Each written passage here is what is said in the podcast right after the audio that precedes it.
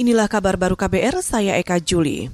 Saudara Satuan Tugas atau Satgas Penanganan COVID-19 mengimbau pemerintah daerah membatasi jumlah pengunjung tempat wisata selama pandemi COVID-19.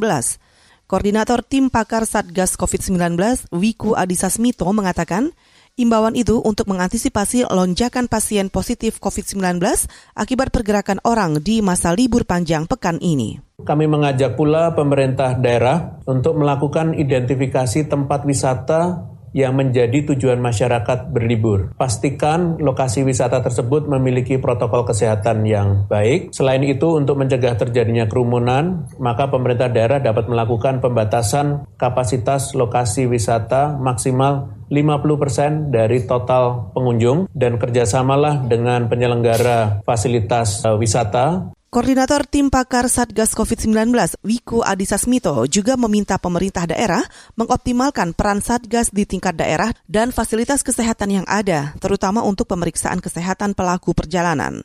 Wiku menambahkan, berdasarkan pengalaman sebelumnya, libur panjang terbukti berdampak pada peningkatan kasus positif COVID-19 baik di tingkat daerah maupun nasional. Kita ke soal korupsi. Komisi Pemberantasan Korupsi atau KPK mengimbau Presiden Joko Widodo melaporkan penerimaan gratifikasi sepeda lipat jika pemberian itu ditujukan untuk pribadi. Direktorat Gratifikasi KPK berkoordinasi dengan pihak istana terkait informasi penerimaan sepeda lipat edisi khusus Sumpah Pemuda kepada Presiden Joko Widodo melalui KSP atau Kantor Staf Presiden. Juru bicara KPK, Ipi Mariati mengatakan, Informasi yang diperoleh sampai saat ini, sepeda itu belum diterima Presiden dan masih akan dicek lebih lanjut. Selanjutnya, KPK akan melakukan analisis dan menetapkan status penerimaan gratifikasi apakah menjadi milik negara atau milik pelapor. Berdasarkan catatan KPK, Pak Jokowi telah memberikan keteladanan yang baik terkait dengan kepatuhan pelaporan gratifikasi.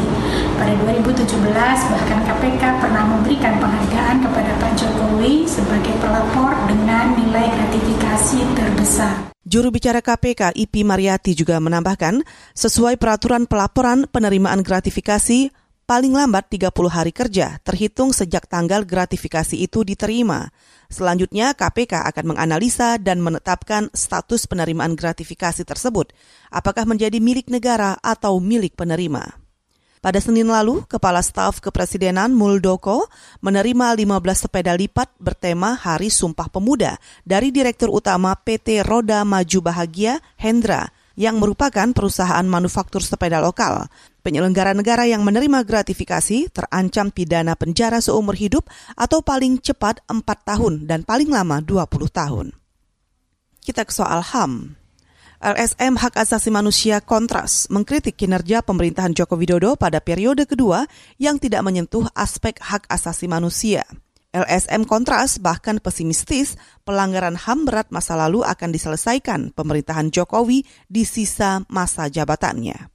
Wakil Koordinator Kontras Ferry Kusuma mengatakan, selama enam tahun menjadi presiden, tidak ada janji Jokowi soal penyelesaian pelanggaran HAM berat yang terselesaikan. Saya sebenarnya pada periode kedua tahun pertama Pak Jokowi ini sudah pada satu kesimpulan, sudah tidak ada harapan kita bicara asasi manusia di pemerintahan Jokowi. Kalau kita baca laporan pemerintahan Jokowi yang dikeluarkan oleh kantor staf presiden, itu tidak ada sama sekali bicara tentang asasi manusia. Semua di sana bicara tentang kemajuan investasi, tentang ekonomi, tidak ada bicara tentang demokrasi, tidak ada bicara tentang penegakan hukum yang lebih baik, profesional, manusiawi dan sebagainya. Tidak ada jelas. Wakil Koordinator LSM Hak Asasi Manusia, Kontras, Ferry Kusuma menambahkan, selama ini Kontras bersama lembaga lain menempuh upaya diplomatis untuk menyampaikan masukan ke pemerintah terkait aspek HAM.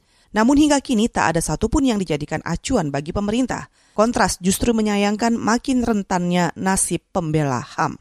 Saudara, demikian kabar baru. Saya Eka Juli.